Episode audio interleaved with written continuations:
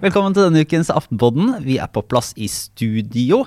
Her, eh, Det er uten Sara Sørheim, som har en slags halsbetennelse. Eller så er hun bare kanskje redd for, eh, for å ikke komme til orde i dagens eh, utgave av Aftenpodden. Fordi Trine Eilertsen, god dag, god dag. Hei.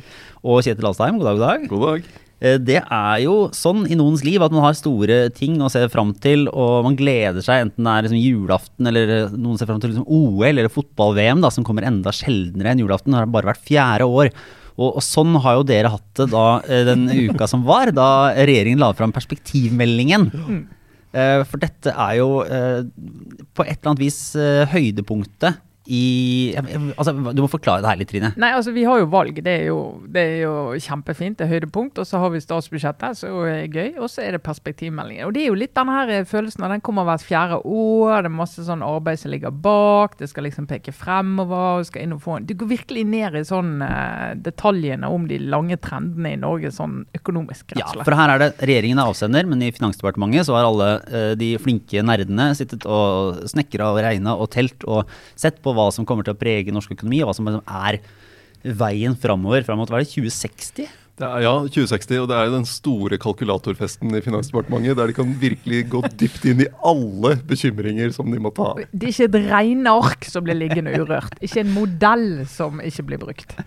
Og da for et eh, departement og et embetsverk som er kjent for å, å se problemer der andre ser løsninger. Altså det er liksom, ting er ikke lett. De er bekymra for pengene og holder igjen og er eh, gjerrige som man skal være og, og vil ikke ha eh, pengebruk. og så Dette kan bli vanskelig, og her må vi kutte litt, og her må vi være forsiktige. Det er Dette får de lov til å komme med, for det er jo en slags fireårig øvelse i eh, å fortelle eh, mørkt på ting. Ja, å fortelle norske politikere at eh, dette treet vokser ikke inn i himmelen. Eh, Nei, Her må det- man passe seg. Og det må jo, det skal vi se, Jeg satt akkurat og så på Kjetil som misunnelsesverdig nok har en fysisk utgave av perspektivmeldingen liggende på pulten. Det har jo ikke jeg klart å få labbene mine på. Det er ganske lenge siden sist jeg ikke hadde en fysisk utgave av eh, perspektivmeldingen i min nærhet.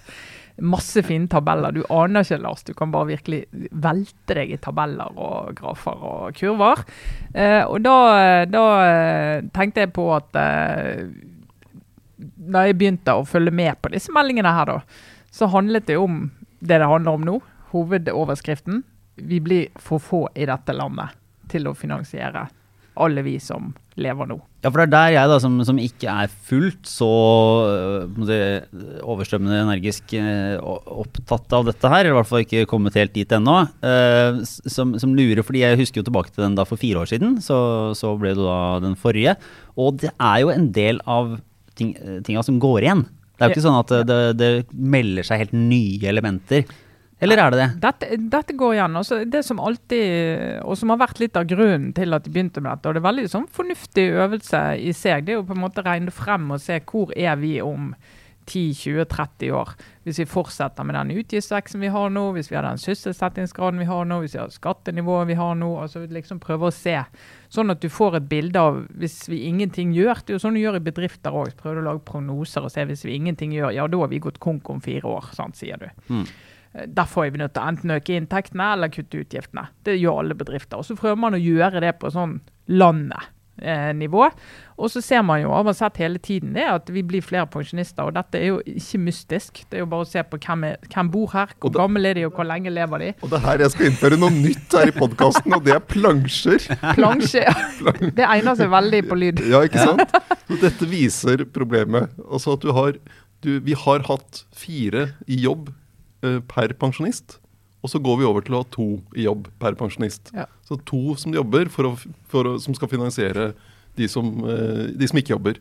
Og Det er en ganske stor endring. Og den eh, Forskjellen er at dette, dette nærmer seg. Altså har man liksom skuet fremover, og så har det vært, eh, det liksom, det har vært skjøvet litt frem i tid òg, men nå nærmer det seg mye mer den overgangen. Det er raskere og raskere. Og, men så det andre, andre dimensjonen som ikke var der når jeg i hvert fall begynte å lese perspektivmeldinger, det var jo at vi skal inn i dette grønne skiftet.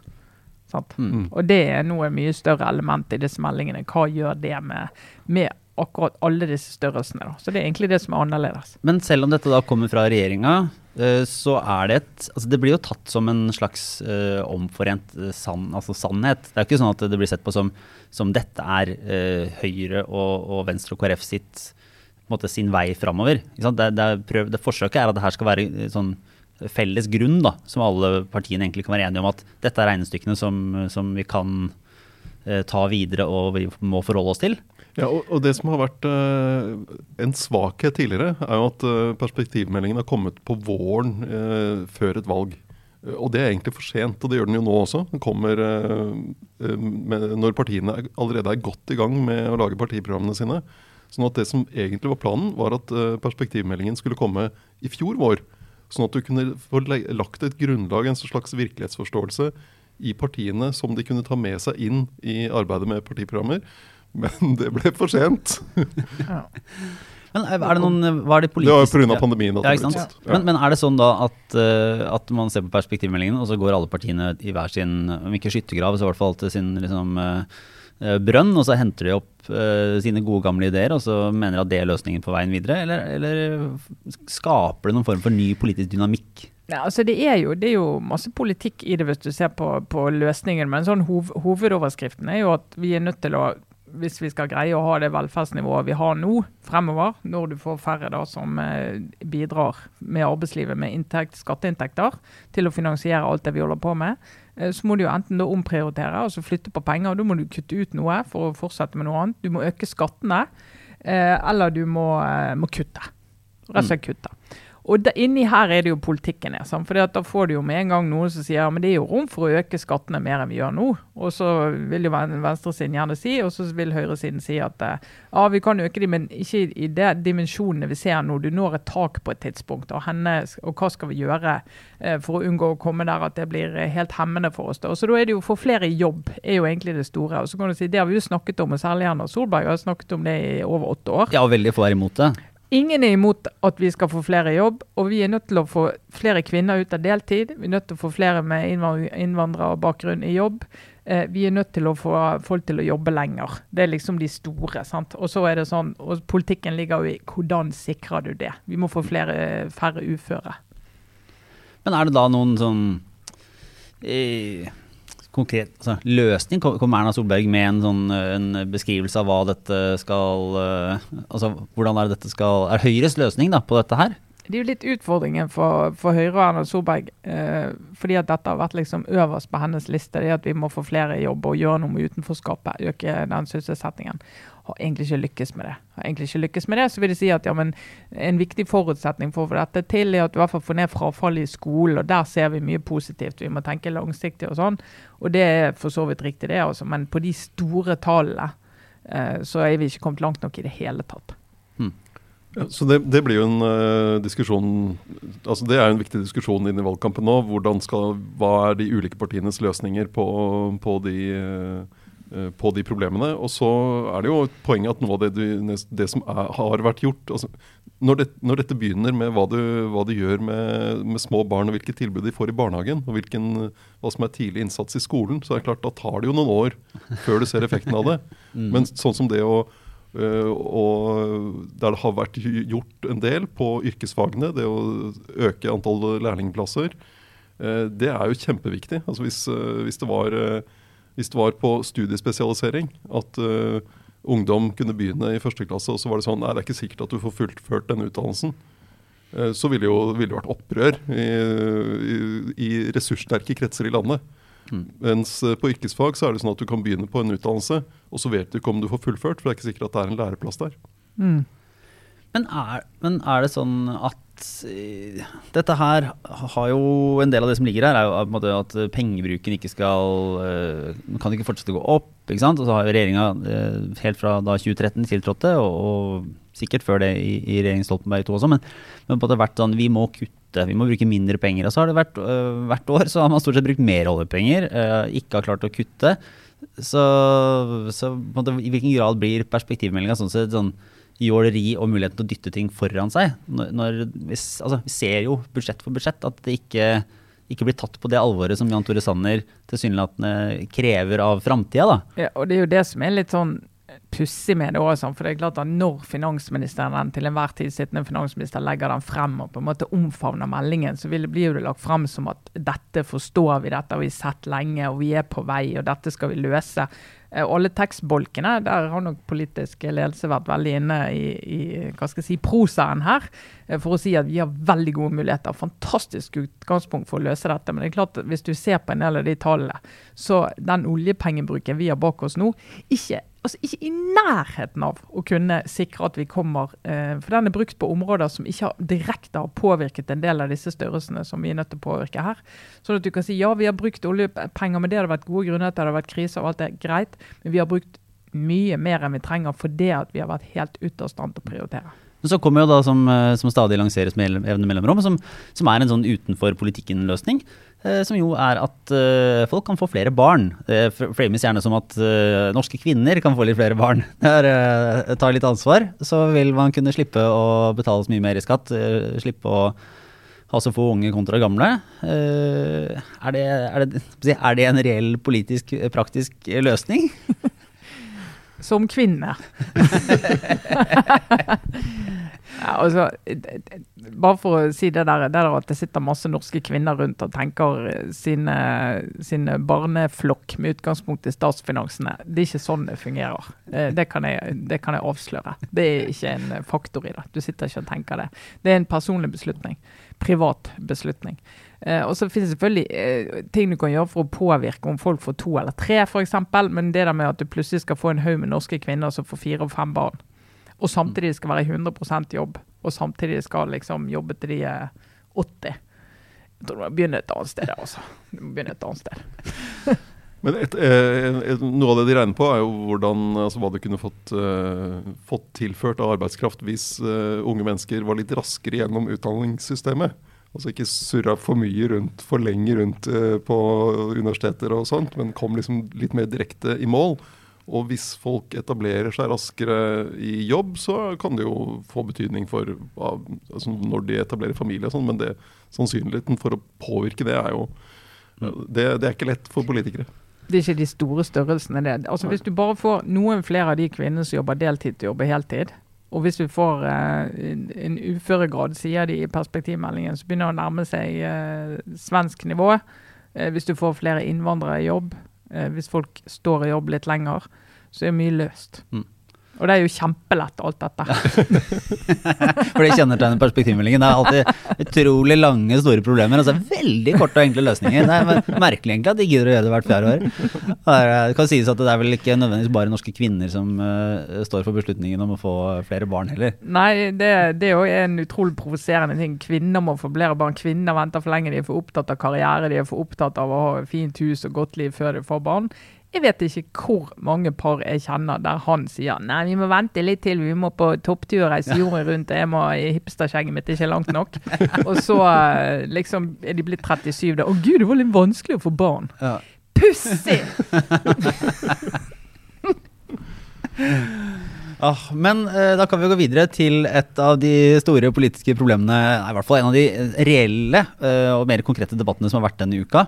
Så, og, og se om de tar det lange perspektivet inn i det, for nå er jo debatten om eh, fergepriser eh, faktisk eh, herjes, og, og deler av opposisjonen. Vi skal ikke si at opposisjonen har gått sammen, for det har de foreløpig absolutt ikke gjort. Men de har eh, nå i hvert fall gått eh, løs på samme sak. Fordi Arbeiderpartiet, Senterpartiet og Fremskrittspartiet er nå ute på krigsstien og vil kutte eller fjerne altså, fergeprisene. Der, her har de jo verken eh, det lange perspektivet eller det korte. Fordi det finanskomiteen sitter og jobber med, er krisepakke nummer eh, Jeg husker ikke hvilken. 23B. Ja, noe sånt.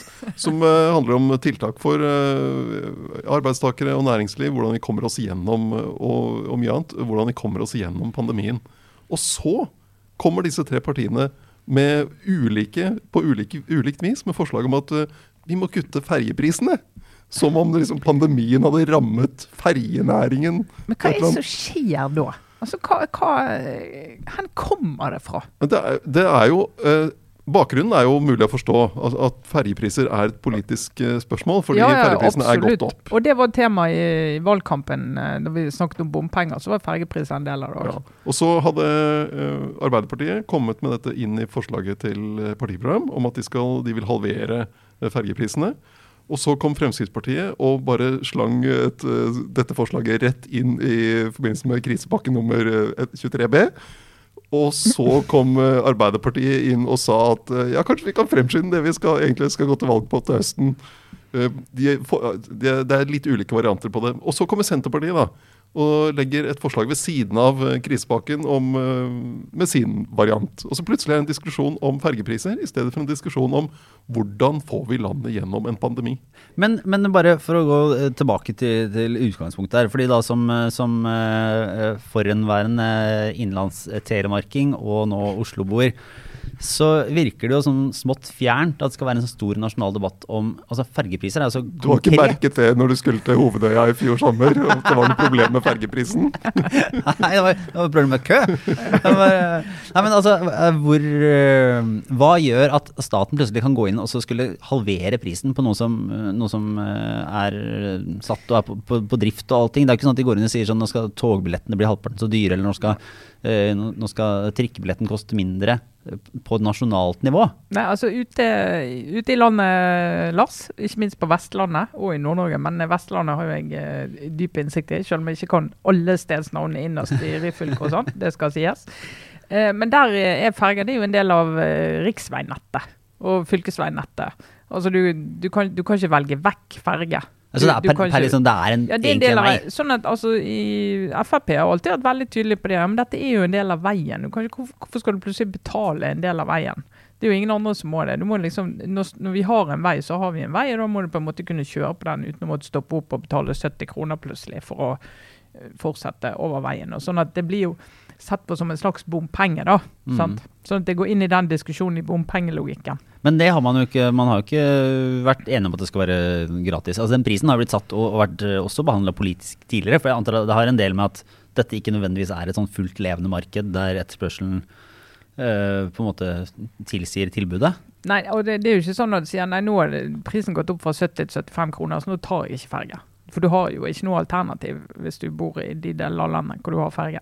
Da tar jeg amfibiebilen Ja, min da tar jeg amfibiebilen min eller helikopteret Helikopter, mitt. Kan de bare ha det så godt med den fergen? Neida, så du må jo bruke det. Men eh, så har de jo prisene har jo økt eh, i en del fylker. Og dette er jo fylkene som, eh, som har kontroll på veldig mye av dette. Og fylkestingene har jo økt prisene av forskjellige grunner. Det kan du gjøre rede for, eh.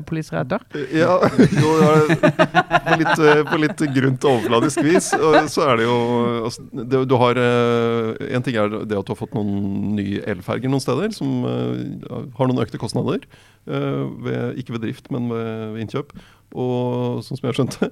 Og, og så har du hatt en omlegging til autopassbrikker, sånn at folk bare kjører rett på ferga. Men det gjør at prisen da på én bil og én passasjer er blitt høyere. fordi du, hvis du har bilen full av passasjerer, så betaler du ikke noe mer. Det er bare Autopassbrikken teller jo ikke hvor mange som er i bilen.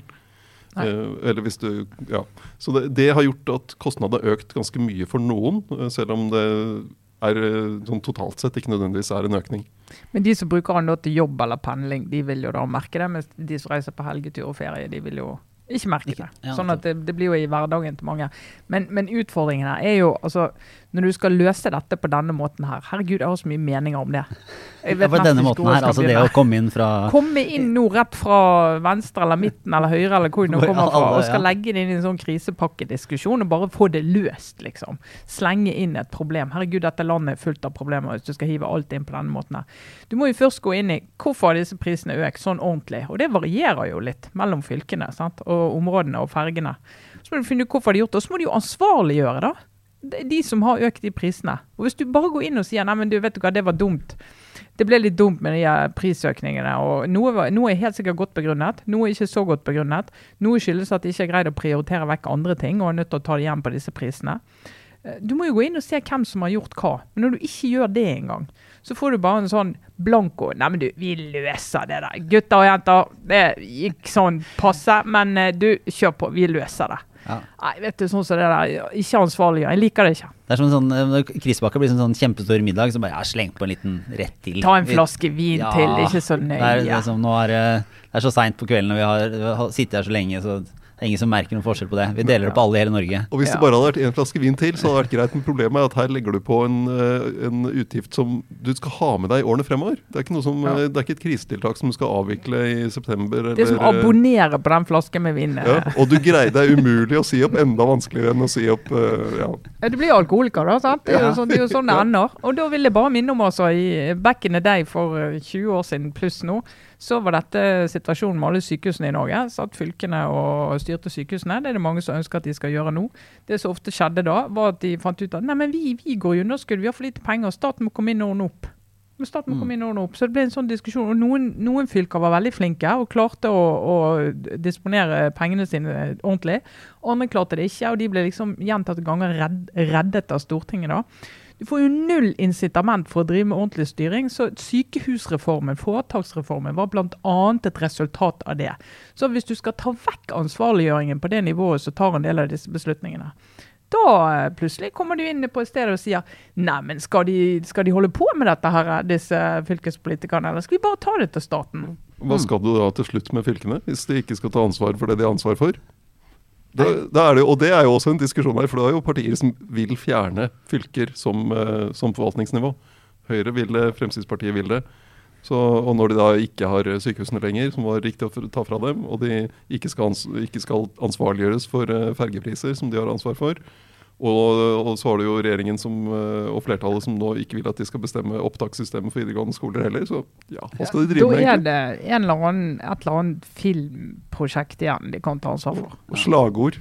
Eller et ja. motto, motto for Viken osv. Uh, Eh, ja, Nei, men eh, vi får nå se. Uh, tror vi at de ulike partiene i opposisjonen uh, finner sammen og, og tvinger regjeringen i kne her, eller er det Hvordan kommer det til å ende? Alt, alt som handler om å øke utgifter, ender sånn. Ja. Det, nei, det, det ser vi i løpet av noen få dager. For den krisepakke 23B, som vi nå har døpt den, skal vel behandles i Stortinget til uka. Så der, der kommer det til å skje ting. Ja, ja, men da får vi se. Eh, vi tar et eh, kjapt lite blikk eh, framover, fordi eh, i morgen fredag så kommer jo regjeringen med sitt forslag til ny rusreform. Som allerede er eh, fullt av eh, splittelse og entusiasme på alle kanter. Eh, grunnideen er vel altså en, en lov, et lova forslag om eh, å ja, forbedre rusomsorgen, åpenbart. Eh, antageligvis avkriminalisere mindre oppbevaring, eller hva skal si, og innehav av mindre mengder narkotika. Og, og fortsette den tanken om at, eh, at, det ikke skal, eh, at misbruk ikke skal ses på som forbrytelse, men som eh, noe som skal få behandling da, i Ja, skal- helsevesenet. Skal du straffe folk som har et uh, rusproblem, en rusavhengighet, eller skal du hjelpe dem? Det er Ja, ja, roper Nei. Det er, er, skal, skal politiet bruke ressursene på å jage misbrukere med egen dose til eget bruk, eller skal de bruke ressursene på å finne ut av bakmenn og hvem som får stoffet inn i landet? Mm. Og da eh, Vi vet litt om hva som eh, vil, eh, vil komme, men ikke detaljene i det hittil. Ja, dette er jo en av Venstres store saker, og, og egentlig seier ved å gå inn i, i regjering. Det Det er jo den og pelsdyrnæringen. Ja, Ja. Eh, og det minner jo om den gangen da Guri Melby foreslo at pelsdyrbønder kunne begynne å dyrke marihuana isteden. Så her er det en det kobling. slo an. Det slo an. Men, ja. men altså for Venstre, så vil, så vil det her, hvis de får gjennomført dette, eh, så vil det være en sånn en, eh, en måte, historisk eh, seier hvis de får gjennom en Ja, sånn ja, altså, det Det er en være. viktig, viktig sak. Altså, det er en av de sakene der Venstre altså For å si det sånn, rusmisbrukeres rettigheter og kamp for bedre liv, det er ikke et stort rop i Norge. Det går ikke noe fakkeltog for disse. Det, det er ikke noe sånn som liksom folk virkelig mobiliseres rundt, og dette skal vi gjøre. Så skal du bedre livet for denne gruppen, så er du nødt til å ha et parti som sier at ja, greit, det er ikke her vi mobiliserer de store velgermassene, men dette er viktig for oss. Og Vi er der har og der har Venstre- Venstre. Der er Venstre. Det skal de ha. Og da, eh, men de må få med seg eh, et flertall, og, og det er ikke helt klart per nå hvor det vil, eh, hvor det vil ligge. For det er ikke sånn at det, altså, rusreform er ikke et sånn klassisk høyre-venstre-spørsmål per eh, Eller hva skal jeg si, det er i hvert fall ikke et uh, tydelig høyre-venstre-spørsmål i dag. Altså, i Høyre norsk har jo vært uh, skeptisk, så Mm. de er jo med på dette fordi de er re regjeringspartner med Venstre. Ja, men det har jo vært reelle bevegelser i Høyre på det. Bent i- Høie har jo skiftet mening, har han sagt. Mm. Han har blitt overbevist. Og det er jo en, en, flere i Fremskrittspartiet også som er, som er tilhengere av å gjøre den endringen. Men du hadde en, en litt, litt sånn innstramming av hvor langt de kan gå på landsmøtet i, eh, i fjor høst. Så er, der, eh, der er det åpent hva som kan skje. Og så er det veldig uklart hva Arbeiderpartiet vil gjøre. Hmm. Og, plu- og, som da, og Arbeiderpartiet skal jo også forholde seg til Senterpartiet, som eh, er tydelig på at de vil reversere. Her skal det ikke være noe, noe, eh, noe avkriminalisering. Men, og, og Senterpartiet, hva er det som de har nå kommet ut og vært veldig klare med dette? Jan Bøhler har, eh, har eh, vært ute i debatten og frempå. Men, men altså deres argument for dette her, hva, hva, er det, hva er det de sier i dette som er, som er at det her er full stopp? Er det, er det Ja, hvilke Nei, De har jo tatt utgangspunkt i, i Oslo eh, og Jan Bøhler og eh, Vedum. Som, jeg tror Vedum har vært mer på østkanten i Oslo enn eh, de fleste andre steder i landet i siste Men han får ikke lov til å reise lenger, vet du. Nei, han får ikke det. Så Nei, da kan han like så godt stå der. Så det er maks, radius, Maks, maks faktisk. radius. Det, det er det er faktisk et, altså, dette er en avtale mellom regjeringen og opposisjonspartiene. Ingen skal reise. Nettopp. Så det er dit han kan dra. Ja. så hjem, da. ja, det, altså det er en, Det, er en det er en forståelse mellom Så, så den Så det er ingen som reiser nå. Nei, ingen reiser nå. Så da. Sveinung Rotevatn var ute og, og flytta på den ulven, så var det en litt murring eh, på Stortinget om at ja, men hvorfor er han ute i skogen? Ja, for han var ute og bar på en sånn bedøva ulv som han gjør med jevne Skulle flyttes med Ja. helikopter. Nettopp. Yes. Nettopp. Men det var en avsporing. Veldig interessant. Men da er det jo bra at Oslo er så svær, for der finnes det jo en dal. Og den Ja. heter Groruddalen. Og, Og går det dit jo kan man komme og prosjisere Dit kan man en rekke problemer. Men eh, da sammen med Bøller, så, eh, som nå er Senterpartiets store profil i Oslo eh, Det er litt sånn uvant, da, for han har så til de grader vært Arbeiderpartiet i, i så mange år. Eh, men da mener jo, argumenterer jo de for at hvis vi ikke kriminaliserer dette, så skaper vi et kjempemarked og mulighet for eh, gjengene, kriminelle gjenger i Oslo og på østkanten.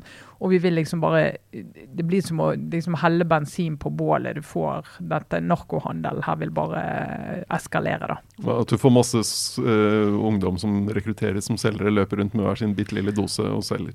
For du sånn, har akkurat på et sånt nivå at det ikke er ulovlig det de gjør. Ja. Hvis de blir stoppet av politiet, som de fortsatt jo skal bli. Mm. Så noe av det som blir diskusjonen på Stortinget, vil jeg tro, er hvor, hvor mye hvor stor, eh, hvor mye kan du ha med deg uten å, at det skal kunne gi, gi straff, og litt oppfølgingssystemet, hvor, hvor rigid skal det være? For det skal jo ikke bare uh, man skal jo ikke bare si 'å ja, det var greit'. Du skal ha en kalles inn uh, altså, til samtaler eller altså et, no, ha et system der som gjør at du hjelper folk uh, til å ikke gå inn i et, eh, en avhengighet, eller hjelpe folk ut av det. Men altså, det, skal, for, det er jo ikke snakk om en sånn legalisering i utgangspunktet. Nei. Nei. Ikke sant? Så det er jo en form for moderering av straffereaksjon fra et eh, potensielt sånn hardt møte med politiet. Ja, så man, der, så det er der måte, de som vil ha en rusreform, bruker argumentet at, at det bl.a. er litt sånn, for- litt sånn klassejustis, at det treffer det, er- det er mer vanlig at politiet kjører hardt i noen eh, miljøer enn i andre, at noen slipper billigere unna, bla, bla. Ja, SV har jo snakket om det, at mm. det, det vi holder på med i dag, der er det jo de hva skal jeg si, eh, ressurssterke eh, brukerne av narkotika, de slipper unna med alt. Mens eh, de som eh, er svakere og synligere, da, de blir tatt hele tiden. Mm. Og nå skal alle tas på en litt mykere måte.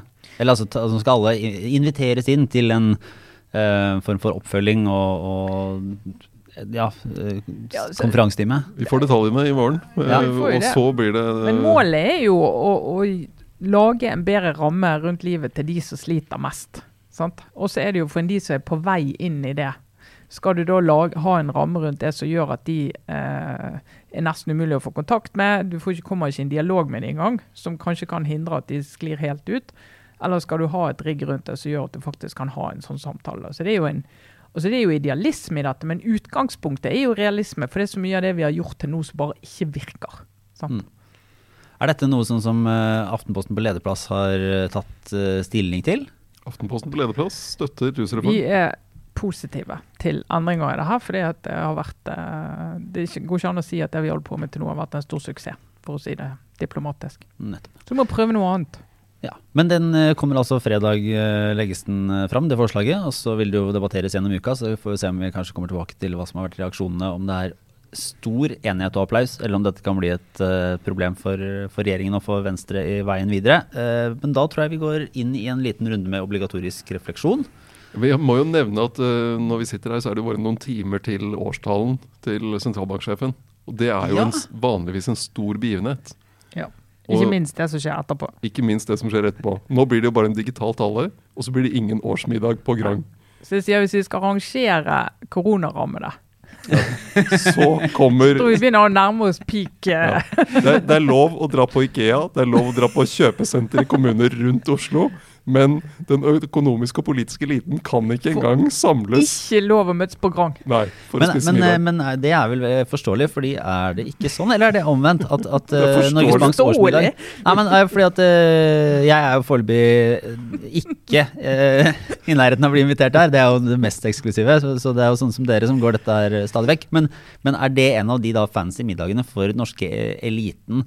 Der det er sånn buffé og ganske sånn tette køer og sånne ting, eller er det her Det, det kunne vært et episenter for eh, den, eh, den britiske mutanten, for å si det Ja. sånn. Dette ville vært et superspreader-event hvis det hadde blitt gjennomført, dessverre. Så Ja, vi får bare sørge, Kjetil. Ja, vi får det. Ja. Ja. Men uh, dere kan tenne et lys for oss. det- Det, det regner jeg med at mange gjør.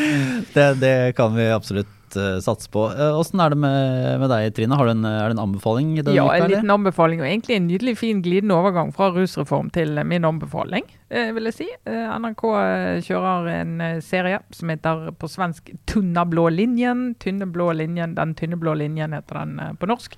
Handler om politiet i Malmö. eh, Dramaserie. Og veldig, altså Vi snakker sosialrealisme med stor S her. altså. Vi er liksom virkelig nede i problemstillingene. I Malmö, er jo en by med mange, mange forskjellige problemer og utfordringer. Og da følger du jo noen enkeltpersoner, så skal du gjør sånne historier, og liksom deres liv og arbeidsliv. da. Så det blir litt sånn NYPD Blue goes Sweden.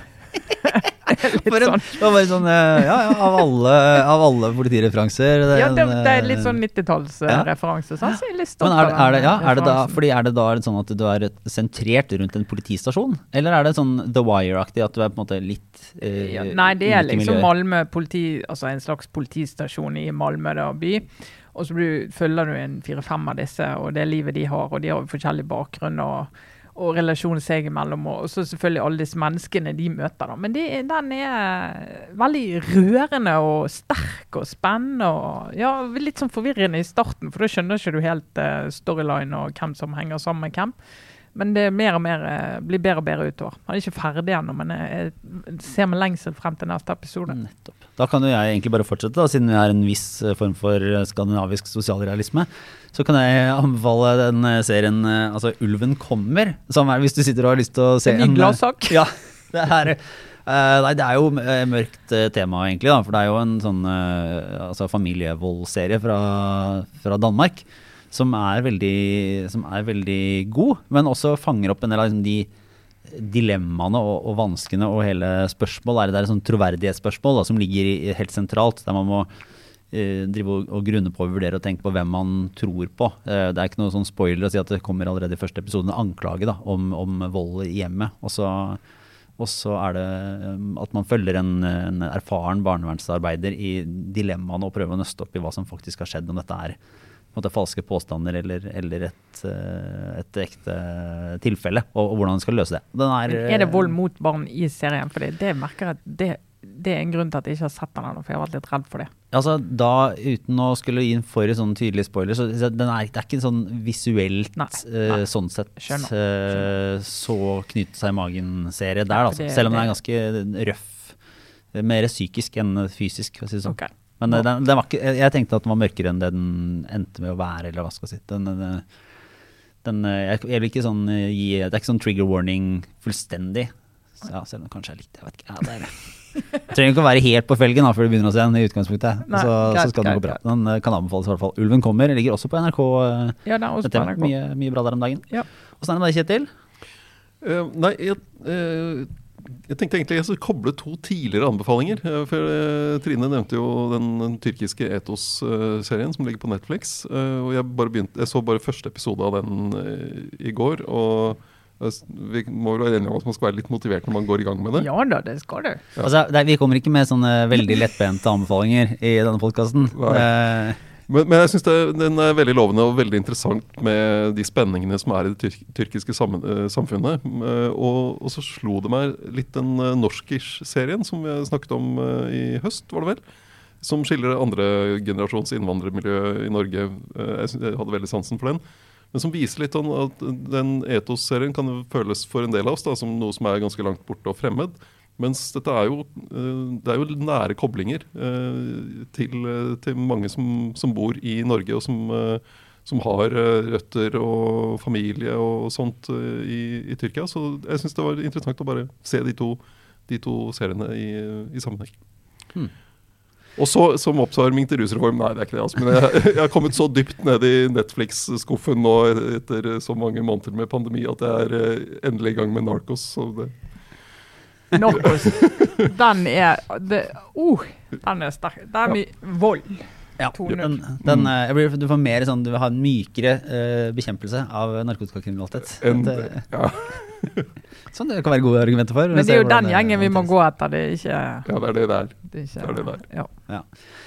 Eh, nei, men Med det så tror jeg vel at vi runder av for denne uka. Så er vi tilbake neste. Eh, jeg vet jo om Det er noen Det er farlige spørsmål å stille sånn helt på tampen her. Om det er noen sto store ting bortsett fra rusreformen som kommer Vin, til å vinterferie. Vinterferie, ja. Sånn var det. Ja, men ikke for Stortinget. Det er, for Stortinget veksler mellom uke åtte og uke ni, der de har møtefri. De er vinterferieuker for å tilpasse seg, ja, nettopp, tilpasse seg ulike deler av landet. Tar hensyn til hele landet, så i år har eh, politikerne ikke møter i uke ni, mens de har møter da i uke åtte. Men eh, i vinterferien da får de lov til å reise ut av Oslo, men de kan ikke legge ut uh, selfier av seg selv i, som kan se ut som et uh, valgkamputspill. Bedriftsbesøk eller sånne ting. Det Nei. er ikke Men de greit. kan legge ut masse selfier der de sier at det er nordmann! Det må jeg lov å si! Ja.